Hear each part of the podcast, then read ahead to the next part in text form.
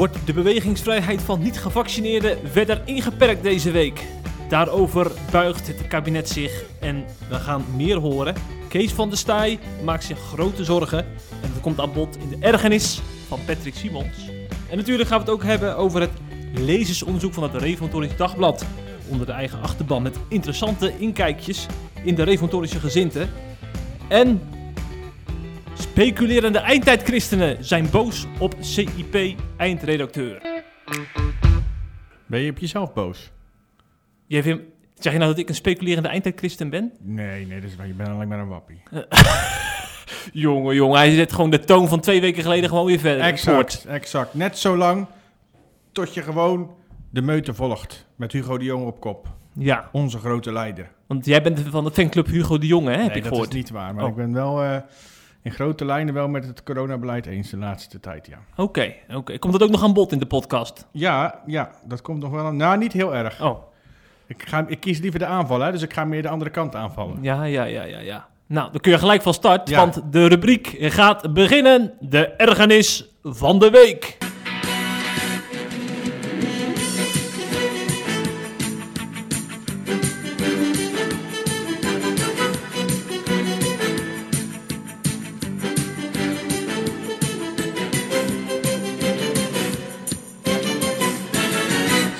Nou, erger, is misschien wel een groot woord in dit geval. Eh, maar laat, laat ik zeggen dat ik me de afgelopen maanden, misschien wel langer dan maanden, vooral heel erg verbaasd heb over de houding van de SGP. Jawel, mijn partij ook, waar ik eh, op gestemd heb de laatste keer. Ik heb de partij namelijk regelmatig in de bres zien springen voor vrijheid. Eh, onderwijsvrijheid natuurlijk in eerste instantie bij die, die rel op het Gomaris. Ehm, de vrijheid van godsdienst binnen de coronacrisis, waardoor kerken veel meer mochten en mogen. Ehm, Vorige week trok Kees van der Staaij vervolgens in de Tweede Kamer behoorlijk hard van leer tegen demissionair minister Hugo de Jonge. En dat ging over het vaccinatiebeleid. En opnieuw was de inzet vrijheid, namelijk vrijheid om niet te vaccineren en toch alles mogen. Dat is wat Kees en de SGP namelijk wil. Nu moet ik zeggen dat ik het vrijwel altijd, eh, persoonlijk vrijwel altijd eens ben met die vuist voor de vrijheid. Vrijheid is namelijk ongelooflijk belangrijk. Ik vind zelfs dat je de vrijheid moet hebben om domme keuzes te maken, zoals niet vaccineren. Ja, dat Eh, zijn jouw woorden. Dat moet je toch weer even toevoegen. Hè? Ik dacht dat dit een monoloog was. maar ik vind dus wel dat als je eh, de vrijheid neemt om niet te vaccineren, ehm, dat je de consequenties van die keuzes moet dragen. Niet vaccineren, prima. Dan geldt voor jou wel de anderhalve meter, voorlopig. Evenals de mondkapjestest en testen voor toegang. Al is het alleen maar om jouzelf te beschermen. Lijkt me een prima afspraak. Ik snap ook niet dat de mensen zich daar zo druk om maken overigens. Maar goed, even terug naar het onderwerp. Het verbaast me dat juist de SGP continu zo op die vrijheid hamert. Sterker nog, het is misschien zelfs wel een beetje hypocriet. Kees van der Staaij zei namelijk eh, eh, in een debat met de demissionair minister Hugo de Jonge letterlijk... Wat is vrijheid uiteindelijk waard als je zegt... je hebt vrijheid, maar je moet wel, maar je moet wel doen wat wij willen. En het gaat dus over, je hebt vrijheid om niet te vaccineren... maar dan moet je wel dit en dit en dit doen, hè? Ehm, ik heb er op Twitter natuurlijk ook eh, van alles over gelezen. En Jim, dat is een, een uiterst geestig persoon op dat eh, social media medium. ehm, die liet die uitspraak eigenlijk als een boemerang terugkomen in het SGP-gezicht. Want die reageerde daarop, op die uitspraak van Van der Staaij die ik net quote, reageerde als volgt. Wat is vrijheid uiteindelijk waard als je zegt, je mag trouwen, maar alleen met het geslacht dat wij willen? Dat is wat SGP wil, hè? En wat is vrijheid uiteindelijk waard als je zegt, je mag een winkel openen, maar alleen op dagen die, die wij willen. En daarmee doelt hij uiteraard op eh, de zondagsrust. Ehm, en ik vond het eigenlijk wel heel erg raak, hè? want een, een partij als SGP, die partij wil eigenlijk ook van, van alles iedereen opleggen. Hè? Eh, Pak het partijprogramma erbij, kijk het partijprogramma van de SGP. Nou, die willen de vrijheden van heel veel mensen inperken, hè, als het aan hun ligt. Ehm, en nu gaan ze ineens eh, wel in, in de bres voor de vrijheid, omdat het om de eigen christelijke achterban gaat. Ik vind het eerlijk gezegd een beetje hypocriet. En dat is precies ook het heikele punt waardoor ik eh, persoonlijk christelijke politiek heel lastig vind. Omdat ik wel bepaalde waarden kan hebben over, over dingen als euthanasie, abortus, zondagsrust enzovoort. Maar omdat het moeilijk is om dat in een vrije samenleving iedereen op te willen leggen. Eh, maar dat wil de SGP wel en dat vind ik een klein beetje hypocriet.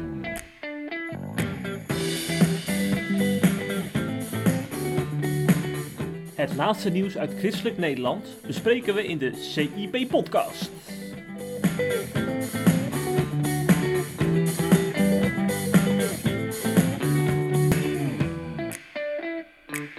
Jammer dat het geen eh, debat-item was, maar een ergernisrubriek. Want dan had ik er nog wat op kunnen Ja, terugzeggen. ja, daar had ik dus geen zin in. Nee, slim van jou om je zo Ja, in te dekken op die manier. Je gaat maar met Willem Engel discussiëren. Misschien zoeken ze bij Café Weltsmes nog iemand. Eigenlijk had je beter huisarts Els van Veen kunnen noemen. We hebben natuurlijk vanda- eh, gisteren een schitterend interview gehad met huisarts Els van Veen. Hè, waarin ze de vaccinatiedwang Ja, bekritiseert. En vandaag ook een reactie van zijn veelzijdig. Ook een reactie van arts Ali Hoek die het er niet mee eens is. Dus ik zou zeggen, mensen, als je een veelkleurig medium wil dat zowel pro- als anti-vaccinatie geluid aan het woord laat, kom dan naar CIP. En lees vooral Ali Hoek. Man, man, man. Wacht, zullen we dus eh, gaan speculeren over de eindtijd? Ja, nou. of juist niet? Want eh ja, jullie hoe lang gaat het nog duren? Oh, de eindtijd? Ja. Nou ja, we zitten er al 2000 jaar ja, in. Ja. Dus ja, ik... eh, We hebben, ik zag wel billboards langs de kant van de weg namelijk. Oh ja, ja, ja, ja, ja. Wat stond er ook alweer op? Ik Je- niet meer. Jezus komt spoedig of zo? Jezus, komt- de eindtijd is nu, Jezus komt spoedig. Kies voor Jezus of zoiets. Ja. Maar echt van die grote billboards, Ja, hè, langs de een A12 hele, en zo. hele, hele grote, ja. Zo, dat kost mijn partij centen. Het einde is begonnen. Ja. Nou, dat dacht Johannes ook, hè? En als, als veel SIP-lezers eh, ligt, is dat ook eh, aanstaande. Ja. Dus zou ik dacht, kunnen. Ja, ja, het zou kunnen. Maar zou zit, ook niet kunnen. Sorry, ik blijf je in de reden vallen. Vertel. ik zit, er zit zoveel inlegkunde bij, joh. Dus ik heb me er echt aan gestoord. Mhm. We hebben het natuurlijk hierover, omdat eh dominee Paul Visser onlangs op 10 oktober een, een preek hield... dat meer dan 250.000 keer bekeken is via YouTube... Niet normaal, hè? over openbaring 13 en de Great Reset. normaal. Ja, dat is bizar. We zagen het ook overal voorbij komen in onze timelines. Ja. En eh, nou, dat heeft natuurlijk heel veel losgemaakt. Vooral het Nederlands Dagblad heeft daar veel columns en artikelen aan gewijd. Wij ook Ja. een aantal columntjes. Ook niet-christenen trouwens, hè? Veel gereageerd. Ja, ja, ja. ja. Baudet, Duitse Kroes. Zo, 7 miljoen volgers, hè, Duitse. Ja, ja, ja. Ehm, Maar die volgen haar niet voor haar mening, hoor. nee, nee, nee, nee, nee, nee. Nee, ze zijn schoonheid, hè? Laten we het daarop Het houden. is een model, ja. Maar wat mij dus opviel, Patrick, in de afgelopen weken, is dat eh, christenen die heel erg van speculeren houden, maar ook eh, eh, dat zonder contextueel bijbellezen doen, eh, dat ze met die preek aan de haal zijn gegaan van Paul Visser. Dus Ja. ik dacht, ik ga dus even in de pen klimmen en, eh, en daar wat van zeggen. Zo is het.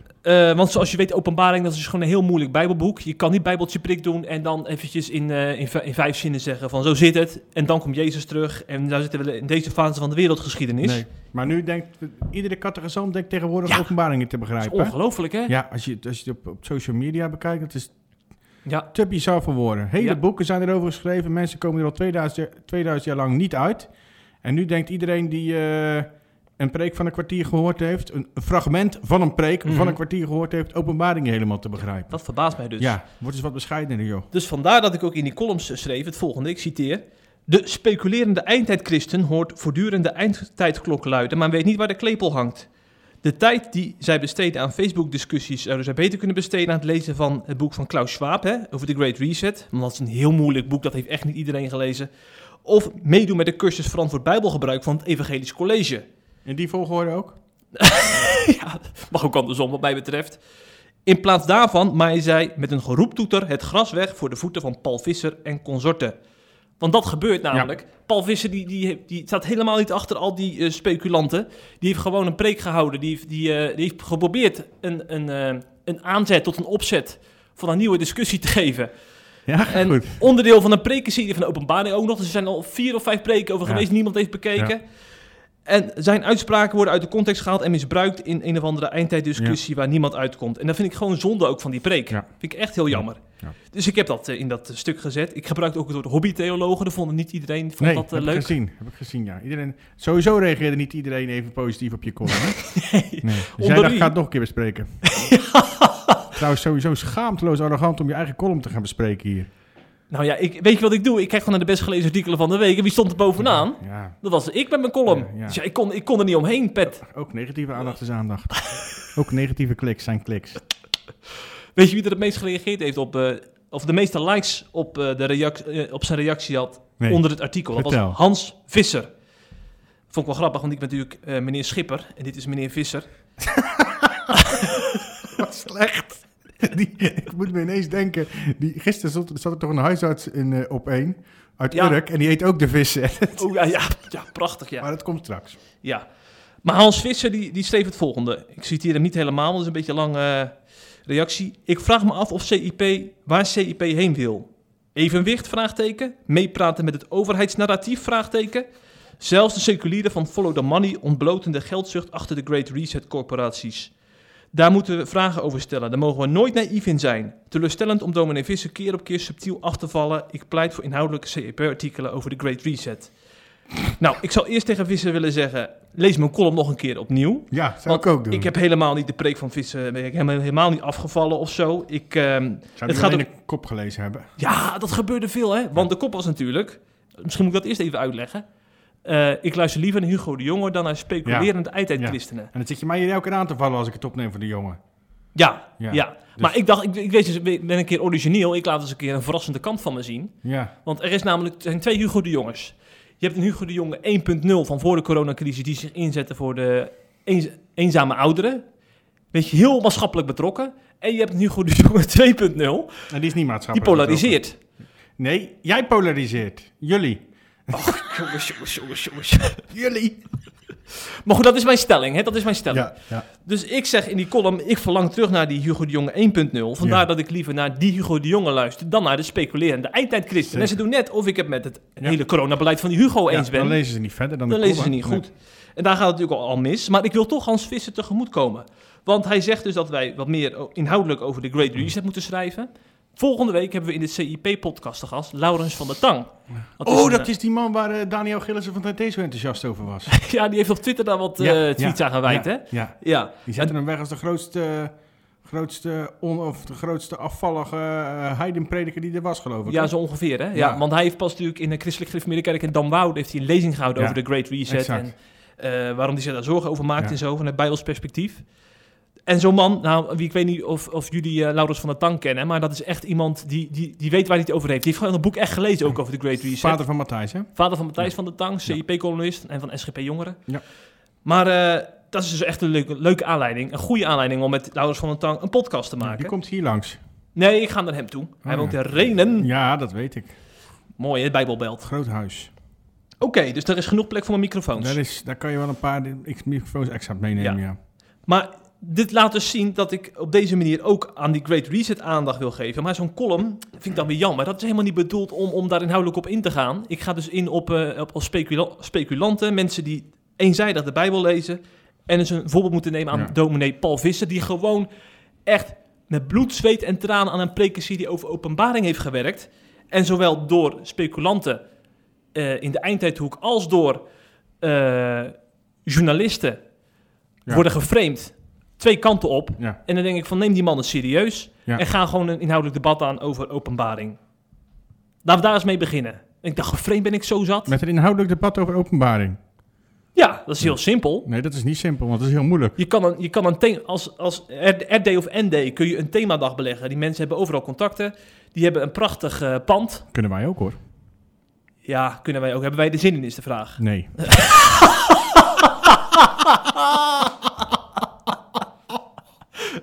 Je doet gewoon de hele dag doe je, eh Jeroen, je doet Jeroen Koorstra uitnodigen over de openbaring. Dominee Paul Visser zelf. Jan Hoek voor de Middenweg. Professor Dr. Jan Hoek. Van Kampen, van Kampen. Dominee van Kampen. Altijd van Kampen erbij. En dan heb je allerlei perspectieven op openbaring een hele dag. Je doet tussendoor een lekkere lunch. Eh, dan doe je nog wat muziek tussendoor. Van Christian Verwoerd. En ik denk, daar, daar hebben mensen toch behoefte aan. En nu is het alleen maar Paul Visser wegzetten zijn als ze, zijn dan weer veel te bang. Kijk, ND gaat dat nooit doen. Want ND die loopt liever met dat overheidsnarratief mee. Ehm, die zijn veel te bang als ze zo'n themadag organiseren... dat ze weggezet worden als... eh, ehm, alsof, ze alsof de groep die onrust stookt... Ja. die eh, met eindtijdtheorieën of complottheorieën... zoals het in de seculiere wereld ook wordt genoemd gewoon... Hè, ehm, promoot. Eh, en daar willen ze gewoon zich niet mee associëren. Niet mee geassocieerd Ja. te worden. AD zal het misschien iets sneller doen. RD. Eh, sorry, RD. Zei ik AD? Ja, AD. Die zouden het ook wel doen hoor. Alleen dan halen ze een paar zinnetjes eruit. Ja, ja. Overigens, over podcasts gesproken. We hebben ook binnenkort een thema-podcast met Jan Hoek over openbaring 13. Ah, de man van. De man van Ali Hoek. Ja. En eh, ik denk, misschien is het dat wel leuk. Dan ga ik eh, op de socials eens een vraagje aan de lezer stellen. Van welke vraag over openbaring 13 willen jullie nou aan Jan Hoek stellen? Heel goed. Professional. Heel goed. Kan ik misschien ook een soort Q&A-podcast Ja. ervan maken. Leuk, leuk. Spontaan idee. Ja, ik ga heel veel vragen stellen. Stuur een e-mailtje naar info.cip.nl. En je vraag wordt meegenomen in de podcast met Jan Hoek. Of op Twitter, kan ook hè. Ja, Twitter kan ook. Zeker. Pet, Ja. het is tijd voor jouw item. Genoeg over openbaring. Ik wil weer terug naar vaccinatie. Oh, of jongens. niet vaccineren. Waar ik me, ehm, of eigenlijk, het gaat niet alleen over vaccinatie hoor. Ehm, ik verbaas me eigenlijk al wekenlang ehm, enorm op de extreme focus die, de, die op christenen gelegd wordt in Nederland. En dan met name op christenen in Staphorst en de Bijbelbelt. Ehm, we zullen van de bekende ND-bubel nu wel weer te horen krijgen dat we in de slachtofferrol kruipen. Dat verwijt krijgen we regelmatig. En dat we, die woorden zijn niet van mij, een christenvervolgingsmythe voeden.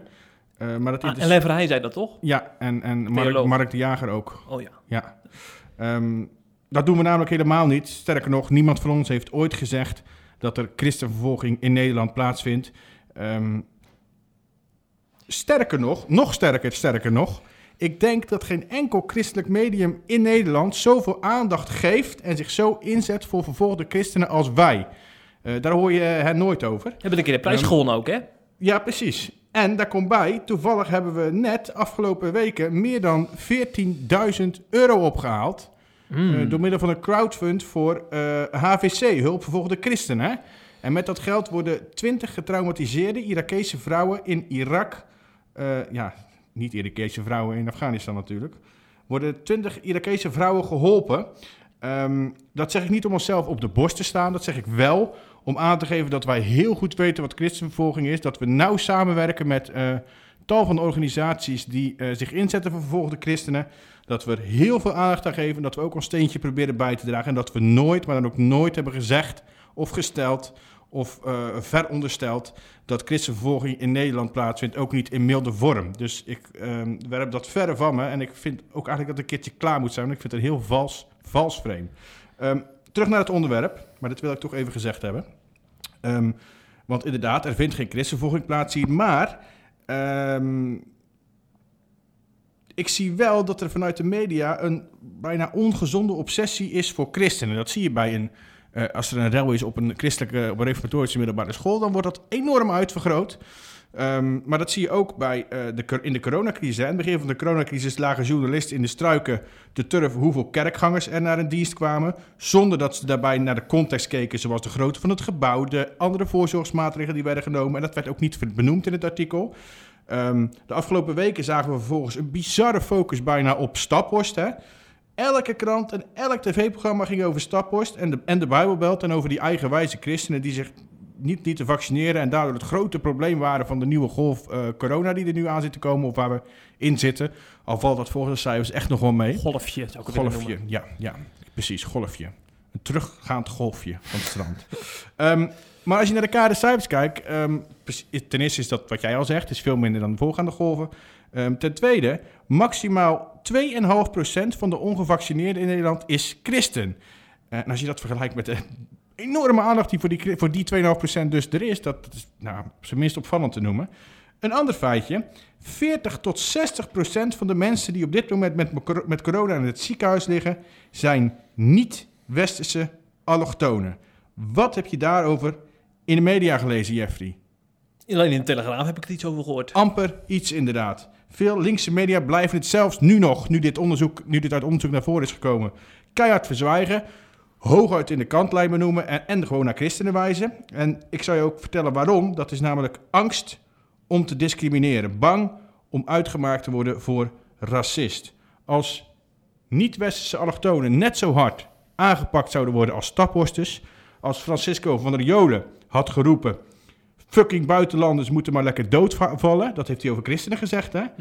Ehm, als er een ongevaccineerde allochtoon zo door Albert Verlinde en eh, Danny Goossens was aangepakt bij Op1 als SGP-fractievoorzitter Arie den Oude als Staphorst, wat was er dan gebeurd? Dan had het hele land op, je kop, op zijn kop gestaan, had ik je gezegd. Dan waren er rechtszaken aangespannen. Dan was Van der Joden zwaar, diep door het stof gegaan. Dan was, had Jinek excuses aangeboden. Eh, nou ja, Ja. meer hoef ik niet te zeggen. Dat is echt absoluut meten met twee maten. Gelukkig was daar ook de Telegraaf, zoals je net zelf al benoemde. Ehm, die deed in eerste instantie ook wel aan mee. Hè? En eh, de hoofdredacteur Paul Jans heeft daar een column over geschreven. En hij stelde dat het inderdaad zo was dat het. En hij schreef dat voornamelijk over zijn eigen krant natuurlijk. ehm, dat er heel veel over de Bijbelbelt was geschreven en niet over migranten. Ehm, maar hij vertelde daar echter wel bij dat het in, in, ieder geval, in het geval van de Telegraaf, en ik geloof ze, anders ga je dat niet in een column schrijven, dan blijf ik negeren, zoals die andere media. Dat er geen sprake was van bewuste misleiding. En hij legde ook uit hoe dat is ontstaan. Zij baseerde zich op de RIVM-kaart en die laat een percentage besmettingen zien. En daardoor kleurde een gemeente als Staphorst, waar natuurlijk veel minder mensen wonen, um, veel donkerder dan bijvoorbeeld Amsterdam en Rotterdam, uh, waar de helft van de inwoners allochtoon is. Uh, en ik quote hem uit zijn column. Door, het, dit door percentage van de bevolking te meten, bleven besmettingen onder migranten aanvankelijk in data onder de radar en sprongen christenen er wel uit, terwijl in de feitelijke ziekenhuisbedden een andere werkelijkheid lag. Misleiding? Nee. Maar daardoor vertekende wel het beeld. Nou, de Telegraaf heeft het daarna ook ruimschoots rechtgezet met veel aandacht uh, voor die andere gegevens, voor die uh, niet-westerse allochtonen. Um, iets dat andere media, veel andere media, nog steeds niet durven. Dus ik zou zeggen, hulde voor de Telegraaf. Overigens uh, wordt etniciteit in ziekenhuizen, en dat heeft daar ook weer mee te maken, wordt niet geregistreerd in de zorg. Uh, dus wordt niet geregistreerd welke etniciteit je hebt. En dat heeft natuurlijk, daardoor komt het ook niet, niet zo snel terecht in uh, cijfers. En dat, ook dat heeft weer te maken met angst voor discriminatie. En dan zou ik zeggen, discriminatie gaat niet alleen om ras. Dus het is op zich wel heel vreemd dat, uh, dat, dat bij christenen um, schijnbaar discriminatie niet zo belangrijk is. Maar er is geen christenvervolging, even voor de duidelijkheid. Mm -hmm. um, maar goed, ik blijf het wel een heel vreemd verhaal vinden hoor, Jeffrey. Want in de eerste en de tweede coronagolf, echt hey, daar moet je lang voor terug. Dat lijkt wel tien jaar terug. Um, toen heb ik al geluiden gehoord uit ziekenhuizen, van mensen die in ziekenhuizen werkten, uh, andere mensen die, die, die, die, die, die bezig waren met, met cijfers op dat gebied. Um, dat er heel veel niet-westerse allochtonen ja. uh, corona kregen en opgenomen werden in het ziekenhuis. Dat ze toen al oververtegenwoordigd waren. En nu zou dat dan pas uh, naar buiten komen ja. door middel van onderzoek. Ik vind het uh, op zijn zachtst gezet, hou ik er een raar en wantrouwig gevoel aan over. Alsof ja. het een beetje onder het ziekenhuisbed wordt geschoven. En je kunt het ook vanuit een heel nuchter perspectief uh, bekijken. Hè? Want heel veel mensen die hebben gewoon een uh, andere levensstijl in die, in die kringen. Zeker. Die hebben gewoon meer overgewicht. Je, wil, je, bedoel, je hoeft alleen maar om je heen te kijken. Ze gaan overwegend vaak toch ja. ook wel naar Burger King en dat soort zaken. Ik bedoel, dan dat is het ook niet niet. gek. Dat weet ik niet. Daar, kan ik, nou, daar heb ik geen cijfers van. Dus daar moet, kijk ik mee uit. Ik wil geen stereotype schetsen namelijk. Nee, het is niet bedoeld om, om, om, ze, om ze weg te zetten of zo. Maar ik bedoel, je kan het verklaren, laat nou, ik het dus, zo ja, zeggen. Maar niet, de, ja, maar er zijn wel betere verklaringen dan, dan de ja. Burger. Kijk, je kan bijvoorbeeld ook kijken naar... Uh, laaggeletterdheid is ook heel hoog ja, onder, ja, precies. onder bevolking. Ja, dat is nog een beter voorbeeld. Waardoor, um, waardoor ze veel minder goed geïnformeerd zijn... en worden door de overheid en door de andere instanties, waardoor ze meer wantrouwen hebben en ja. zich minder snel laten vaccineren. Dus geloof eerder in familie dan... Mm. Uh, wat je overigens ook terugziet in christelijke gemeenschappen, dit, hè? Ja, dat, die, ja, dat ja, wantrouwen. Ja, uh, maar goed, ik, ik, blijf het een vreemd gegeven. Het gaat me niet om... Uh, om allochtonen op zichzelf. Het gaat erom dat de media dat blijven verzwijgen... en een extreem vergrootglas leggen op, op christenen... de afgelopen, nou eigenlijk de hele gehele coronacrisis. Um, kom ik bij het volgende item. Gaat weer over uh, vaccinaties. Het is wat, hè, zei Jeff. Ja, iedereen is ermee bezig, dus wij zijn er ja. ook mee bezig. Je zou er bijwerking van krijgen. Zo vaak zie ik dit onderwerp op SIP en, uh, en in de podcast terugkomen. Maar goed, het is nou eenmaal het belangrijkste nieuws inderdaad. Tenzij je wil bespreken waarom de scriba van de PKN bezwijkt onder de klimaatdruk van activisten in de kerk. Dat is ook wel een onderwerp voor jou trouwens. Dat is een perfect onderwerp. Maar ik geloof dat er misschien binnenkort een, een briefwisseling over op CIP komt. Oh hè? ja, daar zijn we mee bezig. Ja, ja, daar zijn we mee bezig. Dus dat zijn mensen die daar veel meer vanaf weten en veel nuttige dingen over kunnen vertellen als ik. Dus ik ga het maar weer gewoon over klimaat hebben. Of, nee, juist niet. Klimaat bestaat niet, ontken ik. Nee, ik zat gisteren lekker op mijn gemakje naar uh, Op 1 te kijken, een uh, talkshow, hè. Wordt er dan niet beu, die, die talkshow? Ik ben, uh, ja, maar ik doe... De. Zeker, ja, ja, ja, ja. ja jij Al die presentatoren ook, die, ja. die, die maar een beetje om elkaar heen aan het nee, zwammen ik zijn. laat me graag informeren, Jeffrey. Voor, voor ik een mening vorm. Ja, Zou je ook kunnen doen. Oké, okay, nou vertel, je duiding. Ik zat lekker op één te kijken. Overigens moet ik zeggen dat ik dan altijd iets anders nog tegelijk doe. Hè. Dus dan ben ik mijn mail aan het checken of dan ben ik een boekje aan het lezen. Maar, en als er dan iets interessants is, kan je opkijken. Nou, wanneer keek ik op? Er zat een huisarts uit Urk. Wat ik net al zei, die de Visser heette. Dus dat vond ik heel grappig. Daardoor was ik gelijk uh, geboeid. Um, en die uh, zat daar om te vertellen dat hij samen met een aantal andere huisartsen uit zijn uh, dorp, uit het christelijke Visserdorp, heeft besloten om zelf te gaan vaccineren. Dus dat gaat niet langer de GGD doen, maar huisartsen zelf. Blijkbaar hebben mensen daar zeg maar, meer vertrouwen in de huisarts. Ik snap dat overigens ook wel, dan dat anonieme GGD wat ver weg is. Um, En hij zat daar om daarover te vertellen. En de eerste vraag die ze hem stelde was... waarom willen mensen op Urk zich niet laten vaccineren? Of waarom is de vaccinatiegraad zo laag? Zoals je weet is de vaccinatiegraad nergens zo laag als op Urk, hè? Ehm, en ik vermoed dat ze het antwoord verwacht hadden. Dat heeft met geloof te maken. Maar helaas was dat niet het antwoord. De huisarts antwoordde namelijk dat er een groep is die dit inderdaad uh, uit religieuze overtuiging doet, maar dat er een veel grotere groep is die vooral bang is voor bijwerkingen, zoals bijvoorbeeld onvruchtbaarheid. Jonge vrouwen hebben daar vaak last van. Hè? Die zijn bang dat ze onvruchtbaar worden door het vaccin en daarom nemen ze het niet. Um, of trombose, ook een veel gehoord uh, bijwerking die heel weinig voorkomt, maar wel heel veel genoemd wordt. Um, en daarnaast vertelde hij, wil ook een grote groep zich niet laten vaccineren, omdat het voor hen voelt alsof ze gedwongen worden om zich te laten vaccineren. Alsof het hen opgelegd wordt, alsof ze geen vrije keuze hebben. Um, opvallend vond ik dit trouwens, want ik kreeg eerder um, een post terug al, toen wij ook een paar artikelen over Staphorst schreven, of over Rauwveen, over de huisarts daar, die bevriend was met die, met die uh, predikant van de oudschrift van de gemeente, geloof ik. Um, kreeg ik een mail van een inwoner uit Rauwveen, dat is een dorpje naast Staphorst. Uh, en die vertelde dat in de media uh, veel geroepen wordt dat, dat men zich in Staphorst niet laat vaccineren vanwege het geloof. Maar dat hij, als hij om zich heen kijkt, ziet dat, de, dat dat eigenlijk op de achtergrond is. Dat een veel belangrijkere reden voor heel veel mensen is. En dan komt het dus weer precies hetzelfde. Angst voor het vaccin, angst voor bijwerkingen en wantrouwen richting de overheid. Dus eigenlijk zei hij precies hetzelfde als deze huisarts. Um, en daar heb ik eens over na zitten denken. Want als nu zelfs in christelijke dorpen als Urk en Staphorst...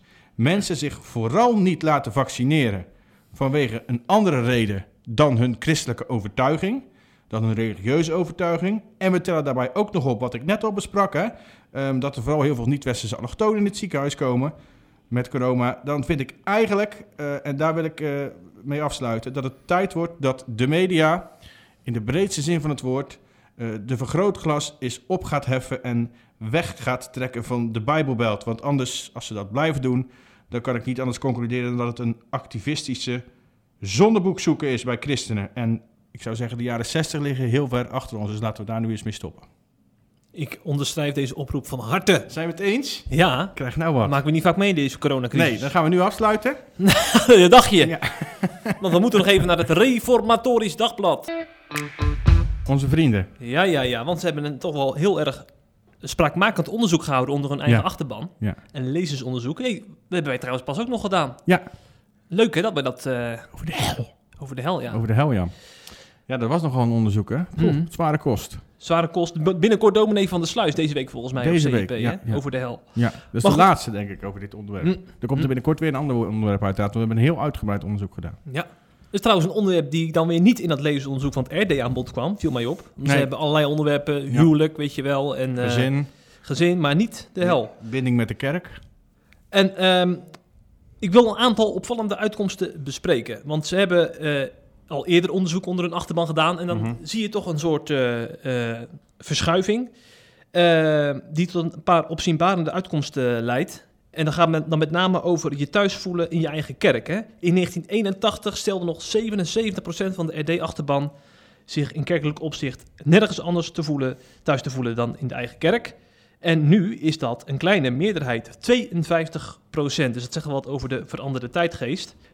Uit de huidige uitkomsten blijkt dat een meerderheid van de RD-lezers is opgegroeid in de kerk waar ze nu lid is, 62% En bijna 15% veranderde van kerk door huwelijk of verhuizing. En 17% maakte de overstap vanwege moeite met de prediking of omdat men zich niet meer thuis voelt in de eigen kerk. En dit smaakt naar meer. Ik wil weten, waar gaan die mensen naartoe? Waar komen ze vandaan? Weet je wat, wat ik denk? Heel veel mensen, hè, de Griffmiddag gemeente is de grootste eh, lezersdoelgroep van de, van de RD.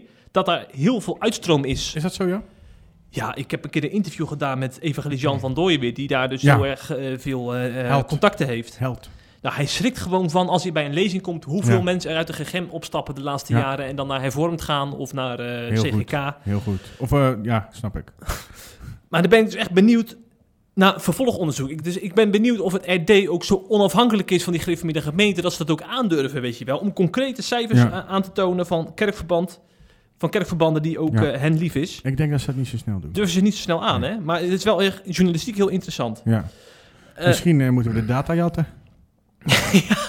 als, jij, als, jij nou, cyberaanval. als jij meneer De Bruyne afleidt, dan glip ik naar binnen. Ja, ja. Nou, ik zou zeggen, zet het in Outlook-agenda. Ja, ja. Morgen. Wat overigens opvallend is, is dat 61% zegt dat men door ontmoetingen in het buitenland de eigen kerkelijke traditie- tradities minder belangrijk is gaan vinden. En dan denk ik van, dat, dat is nou de groep die CIP Ja. leest. Ja. Want er zijn dus heel veel refo's Ja. die, die, ja, die relativeren een beetje hun eigen traditie. En die vinden het ook fijn om andere geluiden te horen en zich te laten verrijken door evangelische christenen bijvoorbeeld. En dan word ik echt blij van zo'n site als CIP. Daar kunnen wij in voorzien in die behoefte. Ja. Je ziet overigens ook heel vaak dat eh, predikanten en evangelisten van bijvoorbeeld de gereformeerde gemeente, eh, die in het buitenland zijn geweest, eh, heel anders naar bepaalde tradities gaan kijken. Dominee Den Oude uit eh Sint Maartensdijk bijvoorbeeld is zo ja, iemand. maar die is geen GGM, hè? Nee, die is hersteld. Ja. Bijna hetzelfde. Bijna hetzelfde, ja. Ja, maar inderdaad, in de GGM zie je dat ook, hè? Dominee Vreugdeel is er bijvoorbeeld een Oh, goed ja, voordeel ja, van. ja, ja, voorbeeld van Dominee Baan, eh, Dominee Baan. GE-baan. Ja, en ehm, hoe heet die man waar ik een paar keer op bezoek ben geweest? Ben ik zijn naam vergeten, zeg. Eh, ik bedoel, die zendeling. Ja, Oh, Gert, Gert Nieuwhuis. Gert Nieuwenhuis, ja. Ja. Ja. Ja. Ja. dat zijn typische voorbeelden. Dat zijn ook prachtmensen ook. Ja, dus het zal niet voor niks zijn dat ze in het buitenland zo gevormd zijn. Nee, hervormd. Ehm, ja, wat mij ook nog opviel trouwens. eh, want ik heb sinds kort heb ik een tweewekelijkse papadag, zoals men weet. Ja, dat weet ik, ja. Ja, daar merk jij alles van. Ja, Maar ik denk dan, ja, dat zal in die RD-achterban nog wel een beetje een gevoelig puntje zijn, hè? Want daar, daar eh, is 83% van mening dat de primaire verantwoordelijkheid van het gezin ligt bij moeder. En dan lees ik dus dat 55% van de ondervraagden eh, een, het goede zaak vindt dat de vader minstens één dag in de week voor de, voor de kinderen thuis zorgt. 55%, dat is gewoon de meerderheid van de RD-achterban. Terwijl ik in de praktijk dat toch niet echt zie. Dat zijn vaders toch nog wel gewoon fulltime, fulltime aan het werk. En er zijn moeders gewoon eh, moeders thuis. is dat zo? Misschien part-time, maar Is dat zo? dat zie ik in om mij heen wel. Ook in, eh, bij onze leeftijd, onze generatie? Nee, nee, nee, daar zie ik wel een verschuiving Ik denk dat het bij onze Ja. generatie wel een beetje verschoven is. Zelfs bij, bij, de, bij de meest orthodoxe christenen nog. Dat de vrouwen gewoon werken hoor. Totdat de zevende geboren wordt natuurlijk. Dan, dan kan het niet meer. Ja, nee, maar dat geloof ik wel. Maar dat je ook principieel vindt dat, je, dat een pappadag belangrijk is, dat is voor mij nieuw. Ja. Voor 55 Ja, het ligt er een beetje aan hoe... Je weet de vraagstelling niet hè? Ja, Nou, ja dat is waar. vind ik nooit zo fijn bij onderzoek. Ja. Daarom hebben wij ervoor gekozen om de vraagstelling erin te zetten. Ja, ja. Ja, dat wat weten wij inderdaad nu niet. Dus dat is meer een beetje inlegkunde dan weer. Ja, ja. Maar goed, ik viel wel van mijn stoel. Laat ik dat dan meegeven aan... eh, Dus net als bij het voorbeeld wat je net noemde. ehm, mensen voelen zich steeds minder verbonden bij hun eigen kerk. Ja, dat ligt ook aan de vraag. Als er gevraagd wordt, voel je je enkel thuis in je eigen kerk? ja. Eh, en mensen zeggen nu, veel meer mensen zeggen nu nee, omdat ze vinden in een andere kerk voel ik me ook wel thuis hoor. Ja, ja, ja, ja, ja, ja, Ehm. Dan kan je zeggen, mensen voelen zich minder verbonden. Je kan ook zeggen, mensen, mensen zijn minder kerkistisch geworden. Snap je? Dat is net, net hoe je dat... ehm, maar Is goed, dat, dat, dat snap ik natuurlijk ook wel. Zo werkt journalistiek ook een beetje. Nog een laatste opvallend feitje eh, over echtscheiding. Echtscheiding is voor mij nog altijd wel een heet hangijzer in eh Ja. orthodox-christelijk Nederland. Dat weten we allemaal. 51% eh, vindt scheiden absoluut geen optie. Dat vind ik eigenlijk nog wel meevallen. 51? Ja. Absoluut, Absoluut dat vind geen ik heel optie. laag. ja, maar een deel zal natuurlijk ook wel afkeuren, maar dan minder stellig. Hè? En, eh, ja, dat is 1 tot 5. Ja, precies. Opvallend is dat van de lezers beneden de 45 jaar bijna 35% geheel afwijzend staat tegenover echtscheiding, terwijl het percentage bij 65-plussers op 18% ligt. Ja, die zijn al langer getrouwd. Ik denk dat daarmee te maken heeft. Ja, nou, dan zie, hebben ze meer problemen gehad misschien. Want de RD schrijft zelf, mogelijk dat ouderen door de ervaring in het leven tot een minder afwijzend standpunt zijn gekomen. precies. Meer levenservaring. nou Ja, ja, ja, dat is precies wat ik zeg. Ja, ja, ja. En Dat, dat vind ik ook wel weer tekenend van... eh, hè, want wij zijn allemaal ja, op zich nog wel jong. We zijn begin 30. Dan denk ik van, we kunnen, we kunnen ook soms net in de podcast praten... alsof we weten hoe het leven in elkaar zit. En ook interviews houden en zo eh, over allemaal hete hangijzers. Ja, vind ik ook maar wel over, over 30 jaar praten wij er heel anders over, hè? Ja, ja. Dus eh, wat, dat betreft ook weer een reden om vooral die 65-plussers te interviewen. Ja. Ik denk dat je er heel veel van kan leren van die mensen. Daarom worden de meeste mensen, hoe ouder ze worden, hoe rechtser. Recht, politiek rechtse. Ja, ja. Maar dat is iets heel anders. Maar dan ga je wat meer nadenken. meer realiteitszin. Ja, ja precies. Overigens, Minder eh, idealistisch, meer realiteit zien. niet iedereen stond te applaudisseren om dit onderzoek, om de uitkomsten. Want professor Dr. Huigen, Hey. hoogleraar aan de Christelijk Gereformeerde Kerk, aan de Theologische Universiteit van de Christelijk Gereformeerde, Yes. eh, die, vindt, eh, die zet nog wel vraagtekens eh, bij de lezerskring bijvoorbeeld. Hij schrijft, volgens de enquête zouden de opvattingen over schepping en evolutie, over vrouw en ambt niet veranderd zijn en houden jongeren zelfs meer vast aan de Statenvertaling dan ouderen. De meest logische verklaring voor de antwoorden is niet dat de gezinsmiddengezinte onveranderd is, maar dat andersdenkenden, vooral jongeren, niet meer tot de lezerskring van het RD behoren. Wat consistentie lijkt, kon dus wel eens een grote Ja. verschuiving betekenen. Vind ik interessant Ja, vind ik ook heel wat interessant. Huig hier zegt, Ja. want daar zou wel eens gelijk kunnen, in kunnen hebben. Misschien zouden we hem daar eens over op moeten bellen. ja, een kof en kolom laten schrijven. Ja, goed idee. Ja. Laten we dat vragen. We gaan het dus hem vragen. Eh, want ehm, ik, ik, om mij heen merk ik ook dat heel weinig jongeren... Mijn, mijn schoonvader heeft natuurlijk altijd RD gewoon eh, naast hem liggen, eh, naast zijn stoel liggen. Ja. Maar die zoon van hem, een zwagertje, die pakt echt nooit het RD erbij hoor. Nee, In hoeveel gezinnen is dat gebeuren? Kijkt alleen maar naar vliegtuigen, toch? ja, dat is een hobby. Ja. Ja, maar bij hoeveel gezinnen is dat gebeuren? En dus dan kun je heel weinig zeggen over die re- revo-jongeren Ja. in dat, in dat huisgezin natuurlijk. Ja, dat is absoluut waar. Interessant punt van Huigen. En- Maar die, zi- zit hij ook nooit op refdag.nl? Nee, nee, nee, nee, nee. Je bedoelt dat hij dan wel eh, digitaal erop zit? Nee, absoluut Exact. niet. Nee hoor, die heeft via Twitter zijn eigen kanaaltjes. Ja. En dat is dan echt, dat kan van alles zijn. Dat is niet één medium meer. Nee. nee. Oké. Nou, mooi. Ik zou zeggen, eh, ja, het is een beetje gek om een reclame voor een andere krant te maken. Maar je kan Nee. RD het hele onderzoek lezen. Ja, inderdaad. Je hebt dat, je, het hele onderzoek zou je bij het eh, RD kunnen lezen. Is trouwens niet, helemaal niet zo raar om, eh, om reclame te maken voor een andere krant. Hebben wij helemaal geen moeite mee. Andersom ligt het trouwens gevoeliger. Ja. Hè? Want er zullen in een andere podcast niet zo snel over CIP al- beginnen. Nee, en ook niet in artikelen. Doen ze altijd moeite om er omheen te werken. Ja. Bij het artikel met Dominic Kort bijvoorbeeld. Oh ja. Weet je dat nog? Ja, ja, ja. naar de blog van de freelance journalist die wij Precies. hadden ingehuurd in plaats van naar de CIP. Ja. Maar goed, wij hebben er geen enkele moeite mee. Dus nogmaals, wil je het hele onderzoek zien? Bezoek de website van RD. Dat is refdag.nl. En daar kan je er alles over lezen, inclusief interessante follow-ups. Die er overigens bij ons ook aankomen. Absoluut. Want daar Zeker. zijn we ook niet te min voor. Nee, nee. Ik zag dat jij vorige keer nog een hele mooie explainer over stappers had geschreven. Ja, Een van de best gelezen artikelen van vorige maand. ja. Goed was die, hè? ja, die was uitstekend. Erg tevreden over zelf ook. Ja, kunnen Ja. andere journalisten een puntje aanzuigen. Ja. Overigens, als je nog een vraag hebt voor professor Dr. Jan Hoek over openbaring 13, mail me dan naar info.cip.nl. Volgende week hebben we die schitterende podcast. En in de andere podcast, Laurens van den Tank over de Great Reset. Heb je die allebei volgende week dan? Ja, je hebt twee podcasts in één week. ja, soms gebeurt Ja, dat is actu- actualiteit. Dan moet je er ook gelijk bovenop zitten. Ja, dan kan ik weer eh, allerlei andere rotklusjes gaan doen dus. Zoals? Ja, nieuwsbrieven versturen. Ja, ja, ja, ja, ja. Maar dat is een prachtige klus. Want je, die gaat tegenwoordig naar meer dan 45.000 e-mailadressen. Hè, voor Ja. mensen die het niet weten. Jo. Die het niet weten. Ja, maar sommige mensen denken dat wij een beetje een marginaal websiteje zijn... die, die alleen maar een, een, een clubje orthodox, orthodox gelovigen bereiken. Maar dat- grof dat- geld verdienen. maar grof geld verdienen. Grof geld verdienen ook. Ja. Ja, Dat klopt die wel. mails ik ook, ja. maar eh, we gaan weer aan het werk, eh, Pet. Ja, nou ja, ja. Veel, veel plezier met je, met je schrijfwerk. ja. Nee, ik En ga niet over- schrijven. Ik heb een afspraak. Je hebt een afspraak. Ja. Veel wijsheid. Veel wijsheid, dat is een mooie. En over twee weken schrijf je weer aan hè, voor de podcast. Hoeveel november is dat? Eh, even kijken. 16, denk ik. 16. 16 denk Ja ik. hoor, dat, eh, dat is goed. Als, het, als de treinen nog rijden... Dan ga je dan weer over vaccinatie en corona. Ik word er dan een beetje moe van, hoor. eh, dat ligt aan de Ja, ontwikkeling. Ja, tuurlijk, tuurlijk. Je En dan moet ook ander nieuws zijn. Er Je is kan- bijna geen ander Je nieuws. kan je hoofd wel in het zand steken, maar dat Ja. heeft geen nut, jongen. Nee, Hoef ik jou toch niet uit te leggen? Nee, nee, nee, nee. nee. Bovendien, ik weet niet of ik er dan ben, hè. Dat ligt eraan wat, wat onze grote leider Hugo de Jonge te vertellen heeft morgen. Vanavond, oh, ja, vanavond ja, daar heb je het over. Ja, Ja, ja. misschien moet ik wel thuis blijven. Mag ik helemaal niet hierheen komen? ja. Zou ik zo erg vinden dat ik niet meer naar de Randstad mag? nou is er weer iemand boos. Ik ga de mailtjes eh, afwachten. ja, nou, ik ga snel er vandoor. Bedankt, eh, Pet, voor je bijdrage. Luisteraars, tot de volgende keer. Doei.